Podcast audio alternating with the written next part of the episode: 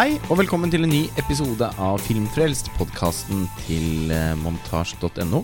Mitt navn er Lars Ole Kristiansen, og jeg er her på TIFF, altså Tromsø internasjonale filmfestival, sammen med Roska Korisinski Hallo. og Live Øra Danielsen. Hei. Og vi skal snakke om en film som eh, vi allerede har omtalt på Filmfrelst i forbindelse med kåringen av fjorårets beste filmer, nemlig eh, Bill Burnhams um, Eighth Grade, som jeg vel plasserte på en åttendeplass delt med Lady Bird, eh, og som har vist seg å bli en kjempesnakkis eh, på TIFF. Det er i alle fall den filmen jeg har oppfattet at flest mennesker på en måte kan være enige om at de har blitt eh, grepet av og, og glad i. Eh, I går på Da det var pressefest i Ølhallen i Tromsø, så tror jeg ikke jeg snakket med én person som ikke trakk fram den som det beste de hadde sett under TIFF.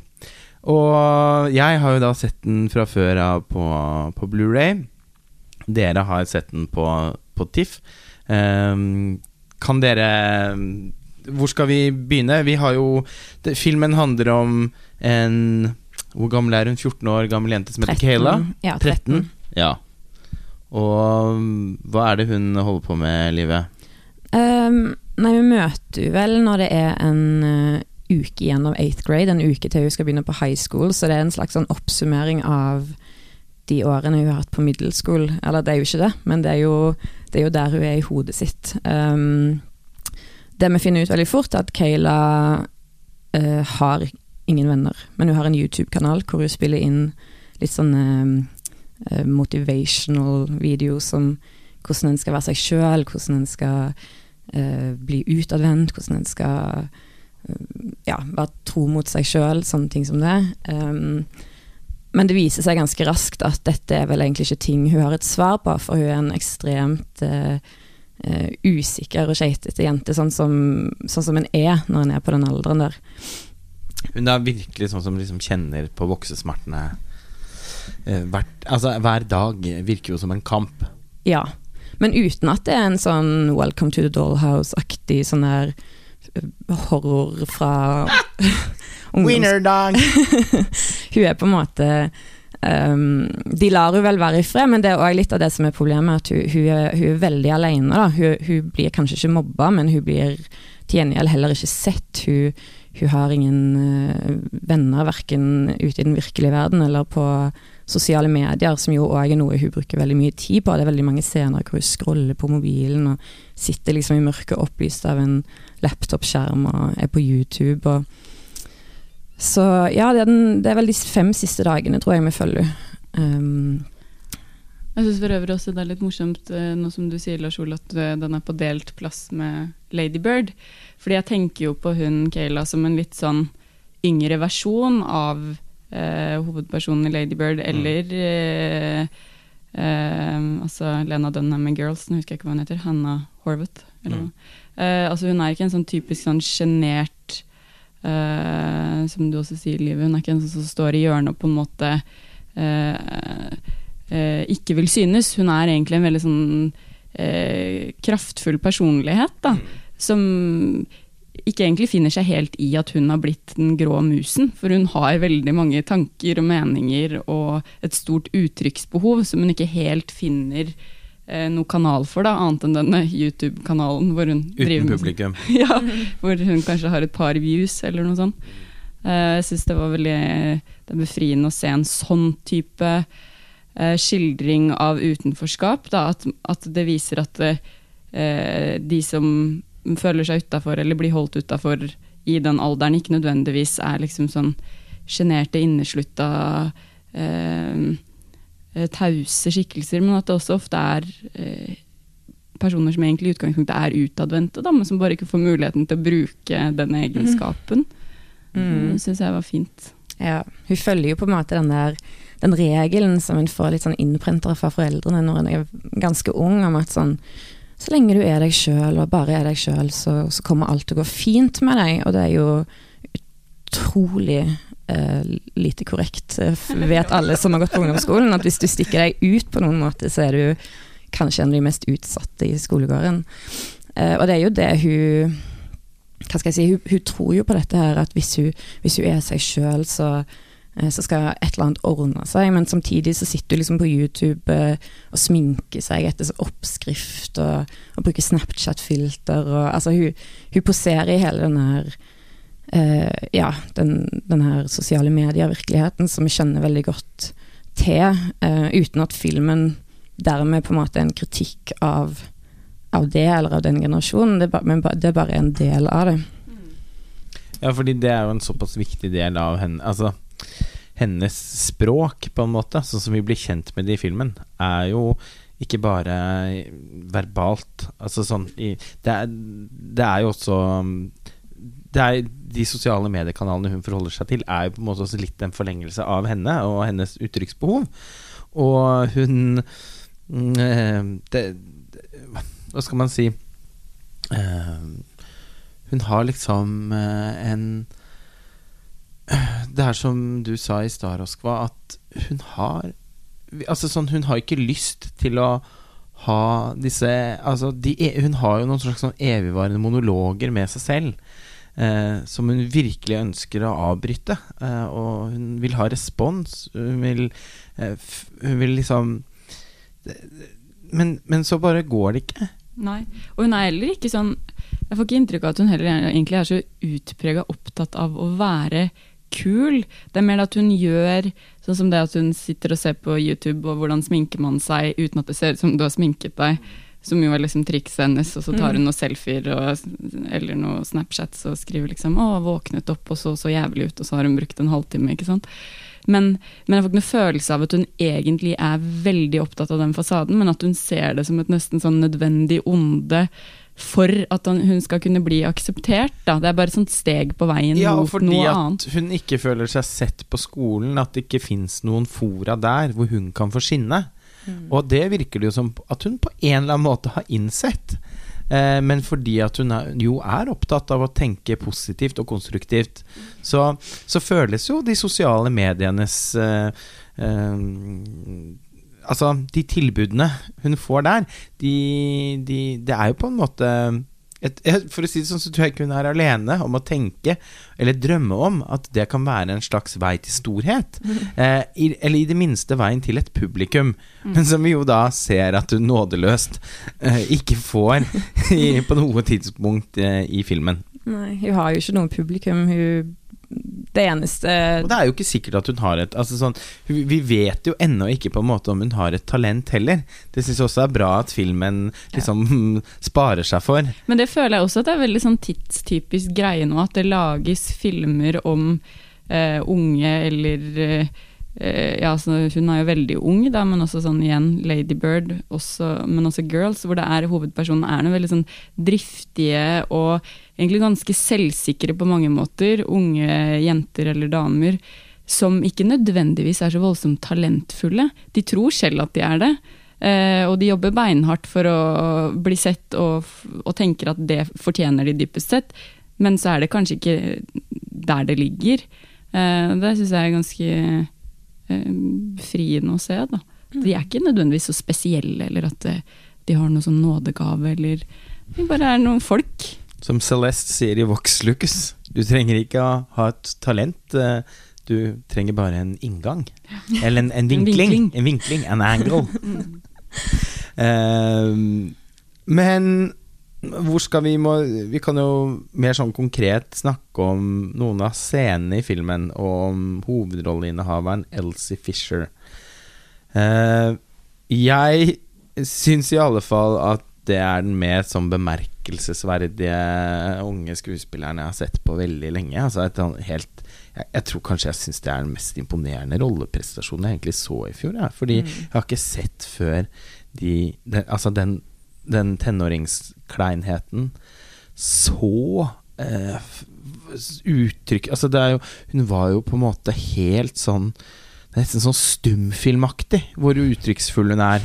Eh, og hvor mye hun liksom rommer det som gjør livet hennes vanskelig, i ansiktet. Og da tenker jeg ikke liksom konkret bare på den urene huden, eller liksom Eller valpefettet, eller sånn, men sånn Det er noe med liksom øynene hennes og og, Mm. og, og, og, og, må, og tonen i stemmen som er så oppspent.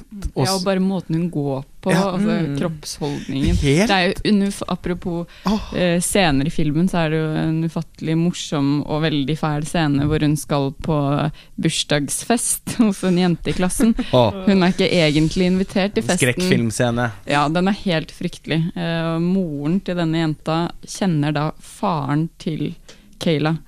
Så dermed så blir hun liksom invitert til denne bursdagen egentlig mot alle barnas vilje.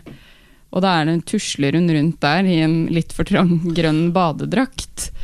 og føler og det handler jo ikke om at hun er den eneste som har blitt valgt bort fra den bursdagen. Nei, at filmen opererer jo ikke med det. sånne sånn Med sånn tydelige Altså undertrykkere og Hun skal jo selvfølgelig bare helt åpenbart ikke ha noe med de folkene å gjøre. Mm. Det, er de som har Altså, det, det, er jo en helt fryktelig situasjon som hun også eh, Ja, som hun er smertelig klar over. Samtidig som hun jo også, av eh, sin sosiale medier-profil, også føler at hun er nødt til å kaste seg ut i det, bokstavelig talt. Ja, Bokstavelig talt. Ja, fordi hun tar på seg en grønn badedrakt Ja. og skal bade med de andre i det påkostede svømmebassenget. Det er rett og slett en eh, helt, helt fryktelig scene. Hvor hun baser rundt i dette bassenget som om hennes siste time var kommet. Eh, mens eh, de pene jentene i klassen svømmer elegant rundt og blir plasket vann på av noen kjekke gutter og viner. Og, Det glitrer i reguleringene. ja, og bikinitoppene liksom sitter helt perfekt. Og så kaver Kayla rundt i bassenget. Ja, ja og, det, det, og musikken som på en sånn Som på en veldig komisk måte understreker dramatikken, eh, er jo kanskje, syns jeg, det beste soundtracket fra Helfer, i hvert fall det jeg har hørt mest på. Eh, og det sporet der heter jo også morsomt, morsomt nok Nautilus. Mm. Ja, og så står hun speid ute i bassenget, og så ser hun liksom de der litt sånn der frådende tenåringene som prøver å holde hodet over vannet. Altså Det er jo noe litt sånn der monstrøst med hele den scenen. Helt Mm. Helt fantastisk. Men det er jo Det er en fryktelig scene, og du, du, gru, du gruer deg, og du har jo En får jo bare utrolig bange anelser, men det som ender opp med å skje, er jo òg at igjen uh, ingen legger merke til at hun kommer inn. Eh, hun, hun blir helt ignorert. Så det er jo litt det som er overraskelsen òg. Jeg forventa jo et blikk, i hvert fall, eller en eller annen sarkastisk kommentar, men, men de har liksom ikke engang tid for det med, med Nei, Kayla. det kommer først når hun skjenker bursdagsgaven, som er et uh, artig brettspill. og det faller ikke helt i god jord blant sånn kule smykker og lekre små topper og sånn. Lekre små Ja, det Nei. Åh. Eh, men av Altså sånn Hun Etter det nederlaget så virker det også som om hun Som om hun føler at eh, hun er nødt til å liksom prøve en gang til. At hun kan ikke forlate da den festen uten å ha utrettet noe, uten å ha fått noen flere poeng på den ene eller den andre kontoen. Hun skal jo Hun skal jo gi alt. Ja.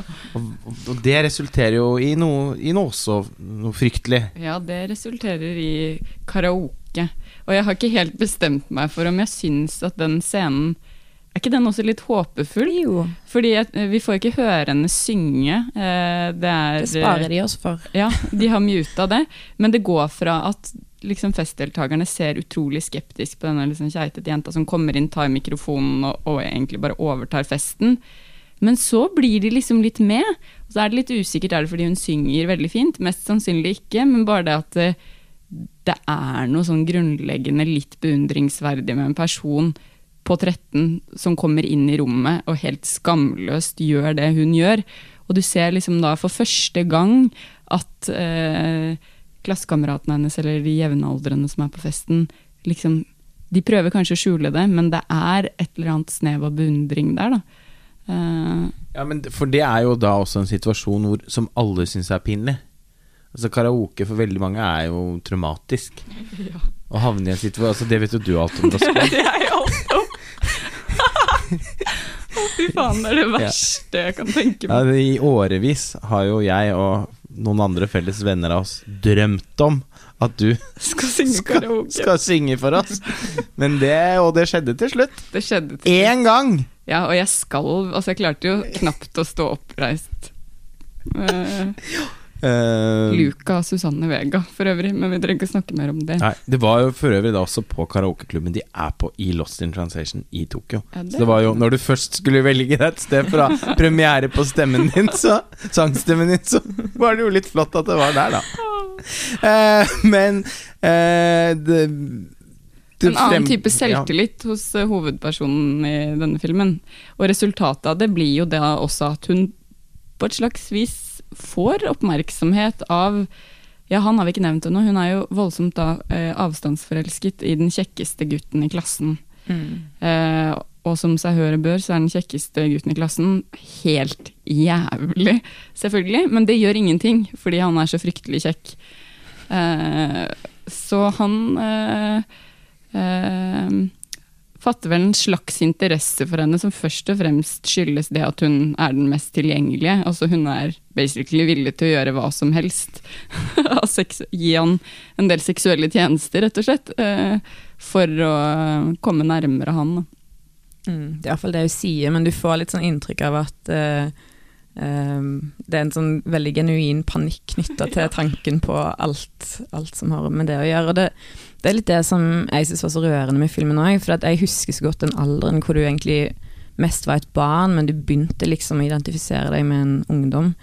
Um, og de er så utrolig barn, denne gjengen. De, de ser litt, de kler seg kanskje litt som ungdommer, iallfall noen av de. Men de har den der kroppen, den der litt sånn lute holdninga, den utrolig liksom dumme humoren. Mm. Uh, og så er det han der, ja, han kjekkgutten Aiden heter han vel, som liksom i en scene ser ut som Justin Bieber, i en annen driver og stapper tyggis opp i nesa. Um, det er en ganske sånn fint portrett av den alderen, da, er med alle de små nyansene. Ok, og ikke minst er jo et barn. Altså, det er jo veldig ukomfortabelt for henne. Eh, og, og, og, og, og ja Det å kaste seg ut i det svømmebassenget er jo litt sånn eh, det, det, er på en måte emblematisk for hele filmens eh, kaste seg ut i det. Altså sånn hun, hun De andre er jo liksom i, Er jo liksom i ferd med å bli voksne i måten de eh, ser ut på, og måten de altså, sminker seg på. Og, men, men på selvfølgelig veldig gjennomskuelig, utroverdig måte. På ingen måte fiks ferdig. Men for henne så er det jo også åpenbart, og det er jo så kjempetrist og vanskelig for så mange, at barndommen er jo veldig kort. Altså sånn, Hvorfor skal den være det? Hvorfor har vi bestemt oss for at den skal bli kortere og kortere? Eh, eh, en ting er at eh, man for noen år siden begikk den kjempebommerten at eh, vi, i- som i de fleste andre europeiske land, skulle eh, la barna begynne tidligere på skolen. Har vel ikke ført med seg noe særlig bra. Men altså det her, mange leker jo fortsatt med pinner, liksom, når de er 14 år. Og så må de gjøre det sammen i helgene på omtrent på hemmelige steder for å ikke bli oppdaget av noen kule. Sånn. Det er kjempevanskelig og, og, og, og fullstendig tabu, da. Um, og det er på en måte Det er, på, det er jo litt Nei, nå skal jeg ikke gå inn i en sånn Ja, men jeg syns det er fint, ja. ja, jeg tenker at På en måte så syns jeg også da det er litt sånn trist at skolesystemet og sånn ikke tar det litt mer opp i seg og legger til rette for lek og sånn i ungdomsskolen. Det tror jeg mange har fortsatt har behov for. Og de som eventuelt ikke har det, syns nok ikke det er så ille å være med på det, som de som har behov for det, syns det er tilsvarende ille Eller jeg tror nok de syns det da er verre å måtte tas opp fem etasjer i heisen til voksenverden. Og vi ser jo så tydelig på slutten av eh, eighth grade når hun får seg en venn. Ja. Som er det, den andre outcasten fra svømmebassengpartyet. Ja. Som vel er nevøen til hun isdronningen Ja. som arrangerer. Og han, han er jo også fortsatt et barn. Og han inviterer henne på middag med noen kyllingnuggets. Og har satt fram dippene. Og det var så nydelig scene at jeg begynner å gråte nesten bare å tenke på det. Han er jo så fjorårets fineste fyr. Mm. Og det er samtalen mellom de som går så utrolig trått, men som allikevel du merker bare alt det håpefulle i det båndet de holder på å danne.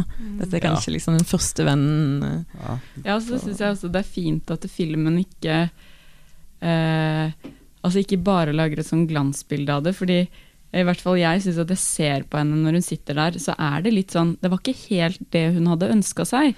Hun hadde jo ønsket seg å kanskje eh, bli kjent med en litt kjekkere, litt kulere fyr. Eh, fordi hun har veldig lyst til å stå i et eller annet lys og skinne, hun også. Og så var det denne fyren da, som ble interessert i henne, eh, og som likte henne. Og da må hun liksom ta litt i takke med han, og det er jo innstillingen hennes når hun drar dit eh, på den middagen. Så er det litt sånn åh, ja, ok da, jeg får dra og henge med han, da. Eh, så filmen liksom viser det òg, Men, det blir, men det blir bedre enn hun Ja, det blir bedre enn hun fordi- hadde sett for seg, Ja, og det er Man kan begynne Altså så man skjønner at Å, de kommer til å se mange bra filmer sammen. Ja. Mye Star Wars og Rick and Morty. Ja, nettopp. Så det er sånn Ja, de kan snakke sammen. Så kan det hende de bare kan være venner. Det er supert, det òg. Ja. Ja, og for det er jo så ikke minst noe hun trenger, da. Hun har jo ingen venner. Det er det som er på en måte det frykteligste. Jeg føler jo ikke at det er kjærligheten hun jager egentlig i den filmen. Det er jo bare ja, oppmerksomhet, et publikum, blir sett, og en venn. Ja. Noen å liksom kunne ha en dialog med. ja. Uh, Uansett hvor skeitete den dialogen måtte være. ja. ja. Vi har jo allerede antydet oss filmen eh, til tider er vanskelig Altså sånn er innmari pinlig å se på. Altså, og den bikker jo over i å være nesten sånn unwatchable i noen sekvenser. Jeg synes spesielt, jeg vet ikke hvordan Dere må fortelle meg hvordan dere reagerte på den sekvensen. Jeg synes For meg var den aller verste uh, den hvor hun tar, uh, har en telefon, lang telefonsamtale med en jente på high school som har vært liksom hennes sånn slags guide. Slags fadder. Fadder, ja. Fadder. Mm. Eh, på en sånn besøkelsesdag der, eh, og, som, og som er kul, og som er veldig sjenerøs mot Kayla, og eh, inviterer henne til å henge med henne og vennene hennes den ettermiddagen. Og måten det da liksom går rundt for Kayla på hun, og, og altså den telefonsamtalen hvor det, Like, you know, like I, I, Yeah, oh, hello, yeah og, og, hun er så konsentrert om hva hun selv skal si, at hun hører ikke hva hun sier. Oh, ja, Eh. Og det blir underlig sånn, Samtalen butter imot hele tiden. Ly, ikke, lyden er litt dårlig. Og at hun beveger seg fram og tilbake i rommet, som, som jeg også alltid gjør hvis jeg har en telefonsamtale som jeg på en eller annen måte syns er litt en, Jeg kan gjøre det nesten uansett, bare jeg har en telefonsamtale i det hele tatt. Men fordi jeg i utgangspunktet ikke syns at Bortsett fra med et par mennesker at det er så ålreit. Men, eh, men, men hvis det er noe som jeg er litt sånn oppjaget rundt, eller noe sånt, så da, da går, kan jeg gå opp og ned trapper og rundt omkring kvartal. Altså sånn, og til slutt ende opp i liksom steder hvor jeg så, hvor- her? Ja ja.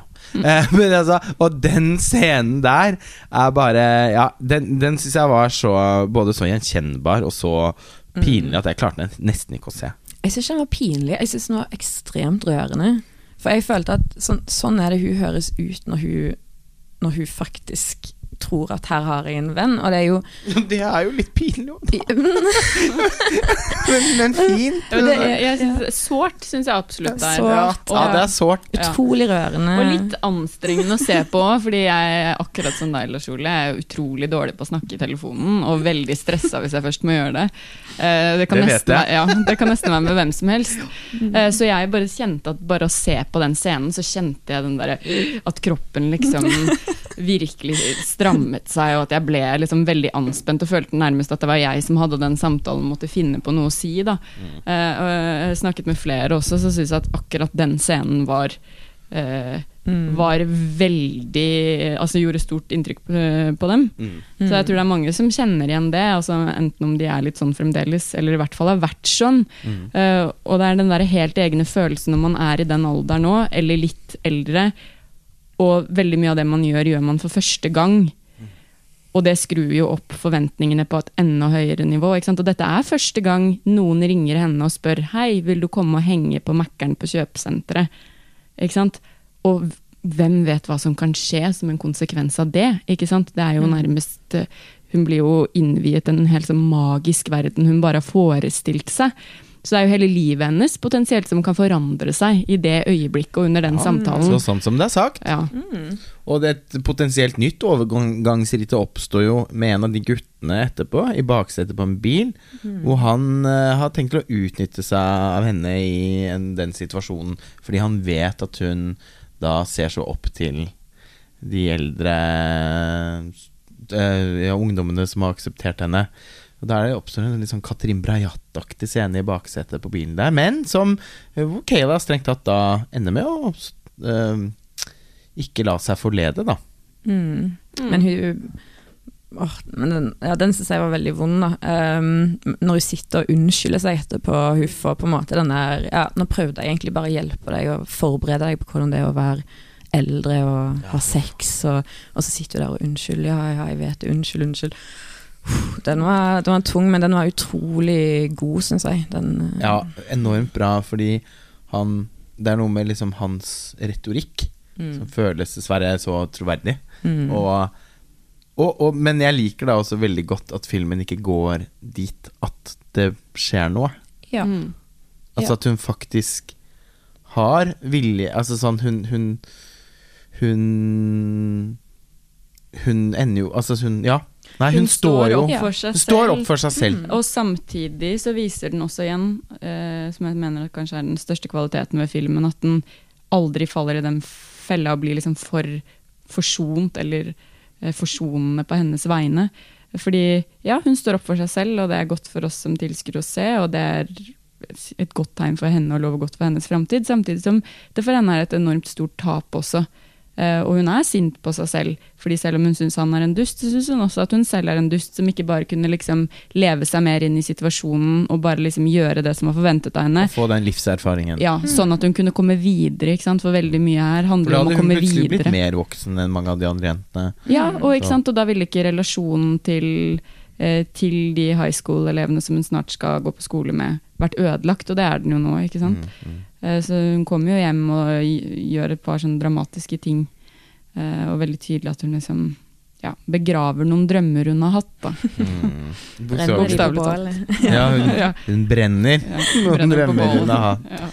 Eh, og så skjer det jo eh, Oppstår det jo en veldig fin scene mellom hun og faren. Hun bor jo alene med faren sin. Mm. Eh, og eh, de kom, har jo ikke en sånn Han er jo Han gjør jo bare alt riktig egentlig hele veien. Men på tross av at han prøver, så oppstår det jo ikke en sånn Vi får jo ikke se noen eksempler på god kommunikasjon mellom dem Nei. før helt til slutt. Og ja, han, gjør, han har jo de beste intensjoner, men han, ser jo, han går jo rundt med sånn panikk i øynene. For han Og, det, det syns jeg òg var så veldig fint skildra, hennes sånne bevissthet rundt at faren uroer seg for henne på et eller annet vis. Altså Det er i hvert fall det hun tror han gjør, for han, han driver liksom og tripper litt rundt henne. Det handler jo selvfølgelig om at hun er fullstendig eksplosiv, og faren er irriterende, faren er klein, altså synes hun. Så han driver liksom og, og er veldig forsiktig, og han er kanskje litt snillere enn han kanskje burde være av og til, og litt sånne ting. Men, men det er den der utrolig såre tingen med at hun, hun på toppen av alle de andre bekymringene i livet sitt sitter og tenker at åh, pappa, han, han, han tror ikke det går bra med meg. Hun, hun føler hun må forsikre ham om det, og det syns jeg var så utrolig sånn vondt og fint skildra. Um, Mm. Enig. Eh, det er jo Altså sånn Jeg, jeg tenker jo at Eight føles som en sånn umiddelbar klassiker Ja. i liksom coming of age. Ja, ikke helt en ekte sjanger, men man pleier vel å si det likevel. Altså det, eh, den, det sjiktet eh, av film, eh, så stikker den seg jo veldig ut. Og den har noen sånn eh, Den har noen Den har en form for autentisitet eh, og som man kanskje forbinder litt egentlig da med europeisk film. Altså Jeg tenkte jo både i hvert fall på Jeg tenkte på Ruben Østlund da jeg så den, eh, og jeg tenkte på Fucking Homola Lucas Modesson. mm. Den beste ungdomsfilmen noensinne, som det alltid er vanskelig å komme utenom. Men det er jo ikke mange Altså sant, Det er jo faktisk virkelig få filmer som Som i så stor grad tar en tilbake til følelsene som de årene der har i seg. Mm. Jeg syns det er interessant. Um, regissøren, uh, Bo Burnham, uh, er vel en YouTube-kjendis. Han er en fyr som har Han har fått han, Jeg tror han har begynt da han var tenåring å lage YouTube-filmer, og så uh, Vine og sånne ting. Så det er en del sånne Vine-referanser i filmen som jeg syns var litt morsomt. Um, og, og han er ganske ung. Altså, det, det jeg tenker, er at dette er på en måte en film om en generasjon som regissøren kanskje har vært en, en del av på et tidspunkt. Altså, sånn, han, han, er jo en, en, av de eldre youtuberne, helt sikkert. Men um, det jeg syns er så imponerende, er at han likevel klarer å skildre dette her portrettet av denne unge jenta. Altså det, det, har, det, har, så mye nyanser, og det er så, det er så fint og fullendt, synes jeg. Jeg opplevde at jeg identifiserte meg vanvittig mye med det, selv om at jeg er dobbelt så gammel som mye mer enn det. Uh, og tilhører en helt annen generasjon. Um, det var Ja. Vi er jo på en måte egentlig altså, den siste generasjonen som ikke vokste opp med sosiale medier. Så det kom jo Facebook kom i 2007, uh, da vi da basically var liksom i begynnelsen av 20-årene. Mm. Eller helt til slutten av tenårene. Så det er ikke uh, det, det, Og det er jo en enorm Altså, den, altså den, for, den det er jo så omkalfatrende at det er jo fortsatt helt umulig for oss å forstå. Det er først mm. eh, om et par tiår til, tror jeg, man vil man kan virkelig liksom begynne at noen mønstre vil avtegne seg. Altså hvordan mennesker som vokser opp i dag, ser annerledes på verden. Mm. Forholder seg annerledes til andre mennesker kommunisere på en helt annen måte enn tidligere.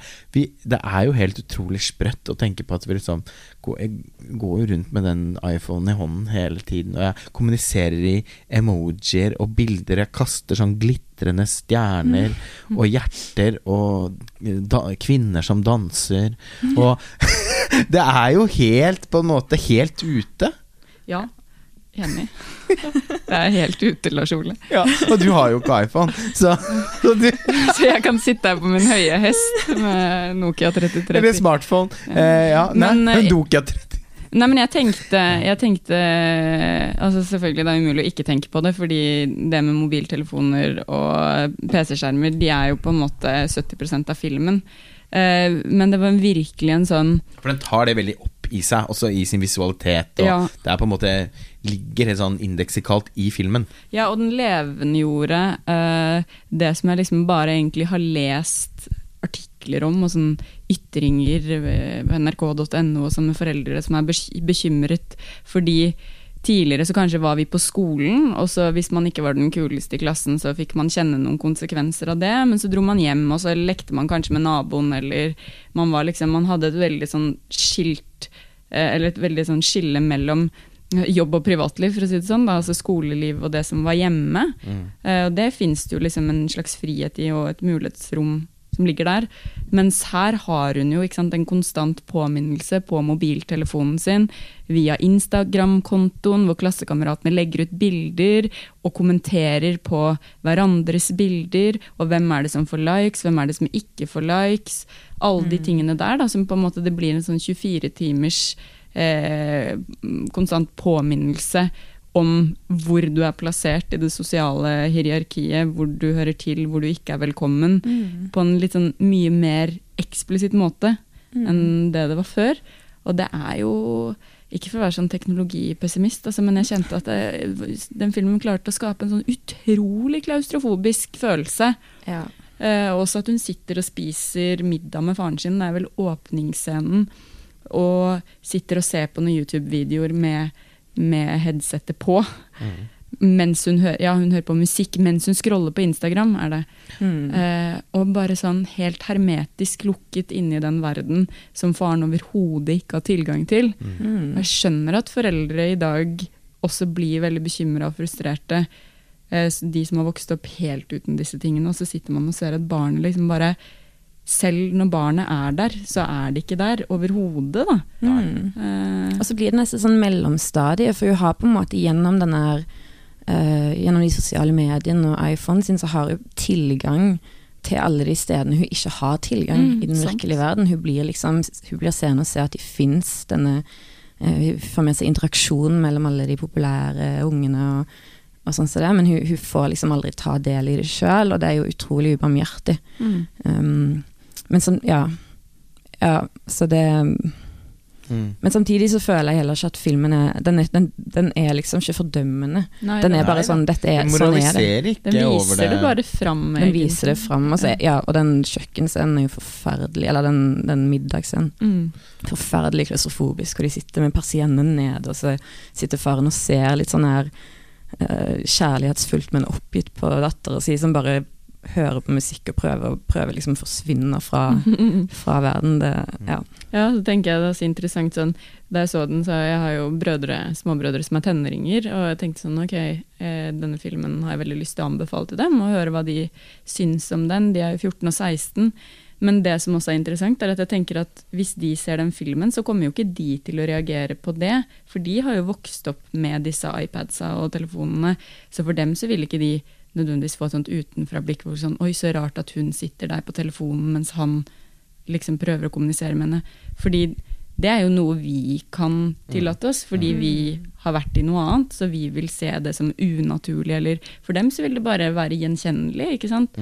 Eh, og kanskje dermed også mindre destruktivt, eller liksom leses på en mindre sånn eh, samfunnskritisk måte, da, og mer som et sånt realistisk eh, portrett, liksom. Eh, ja. Men det viser på en måte også at jeg føler også Eller filmen påminner meg om at det oppstår altså veldig mange barnslige behov i, lys, i, i, i kjølvannet av de nye kommunikasjonsformene. Da. Jeg tar jo meg i det selv, ikke sant. At, jeg- at, jeg, eh, kan, at jeg sitter og følger med på Facebook, for eksempel, da. På, eh, på appen på mobiltelefonen. Jeg, altså, jeg går jo da inn jevnlig og sjekker om det har kommet noen likes. Hvis det er noe et eller annet jeg har lagt ut. Og, og noen ganger så er det sånn for, hm, Ja, da, da vant jeg Facebook litt med den. ja, ja, det appellerer Nordlyssafarien med Gaspar Noé, det var det mange som likte.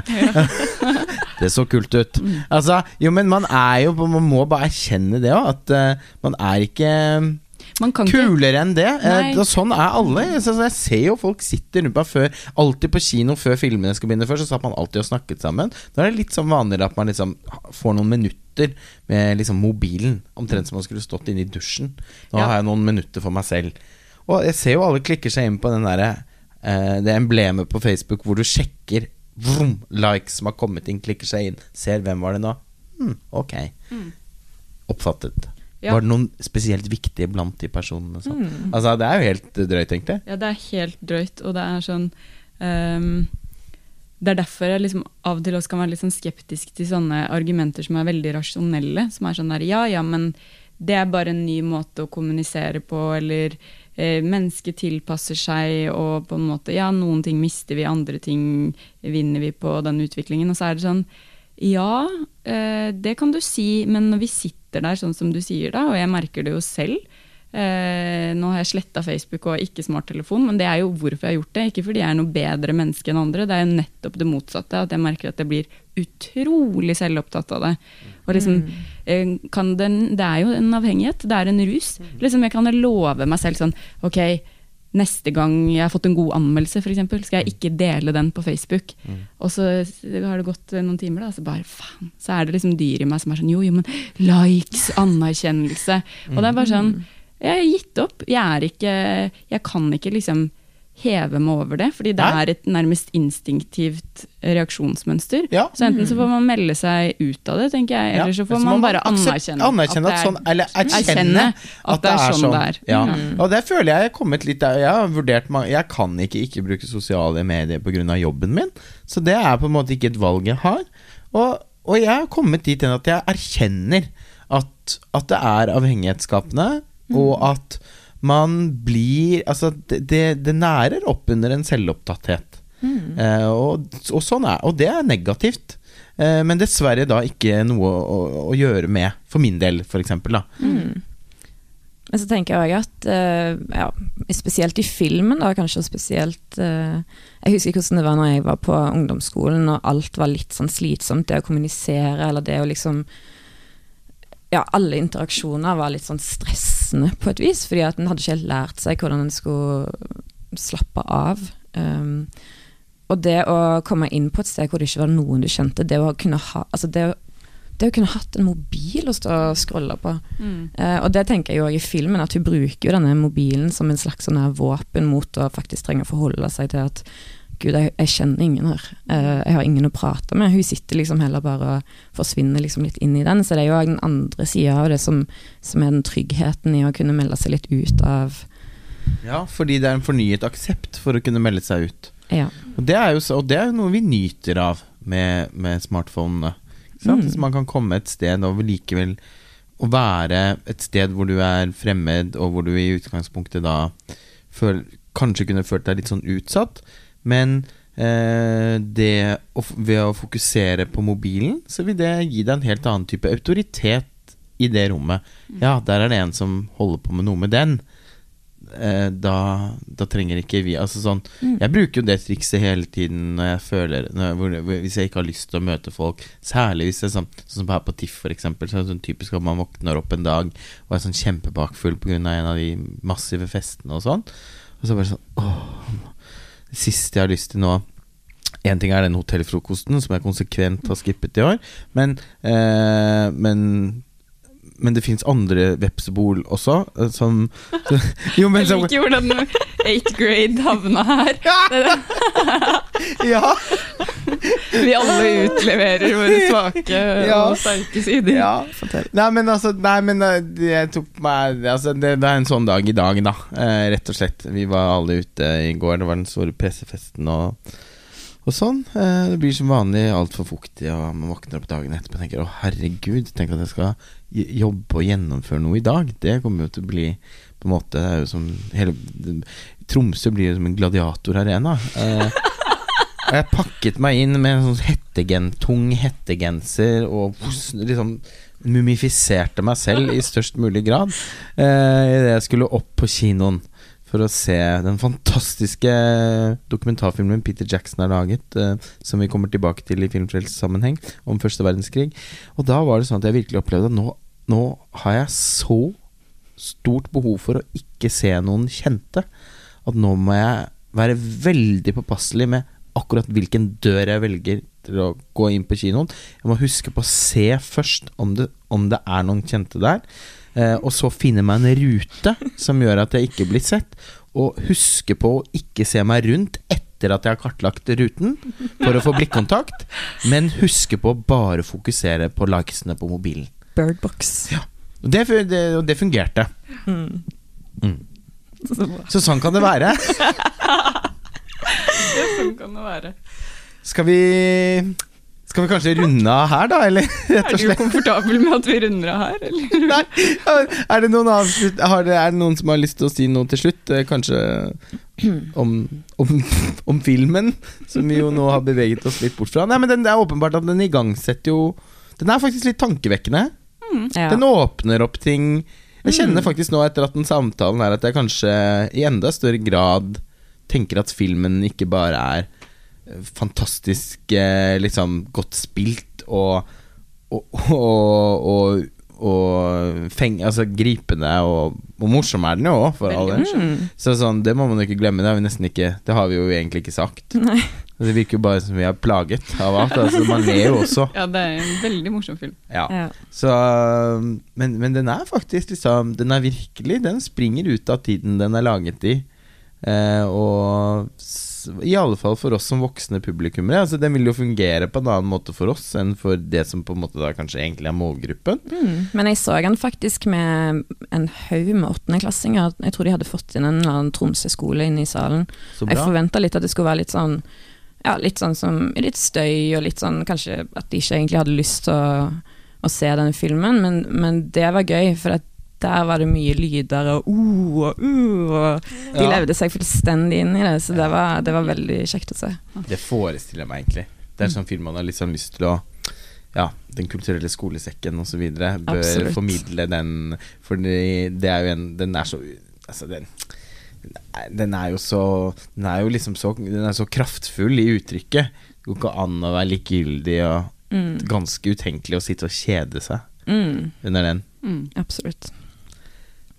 Tusen takk eh, for eh, at eh, At dere fikk anledningen mellom alle Fikk anledning mellom alle filmvisningene i dag til å få vært med på denne litt sånn improviserte eh, 8th grade-podkasten. Vi kommer tilbake med i hvert fall én episode til fra TIFF.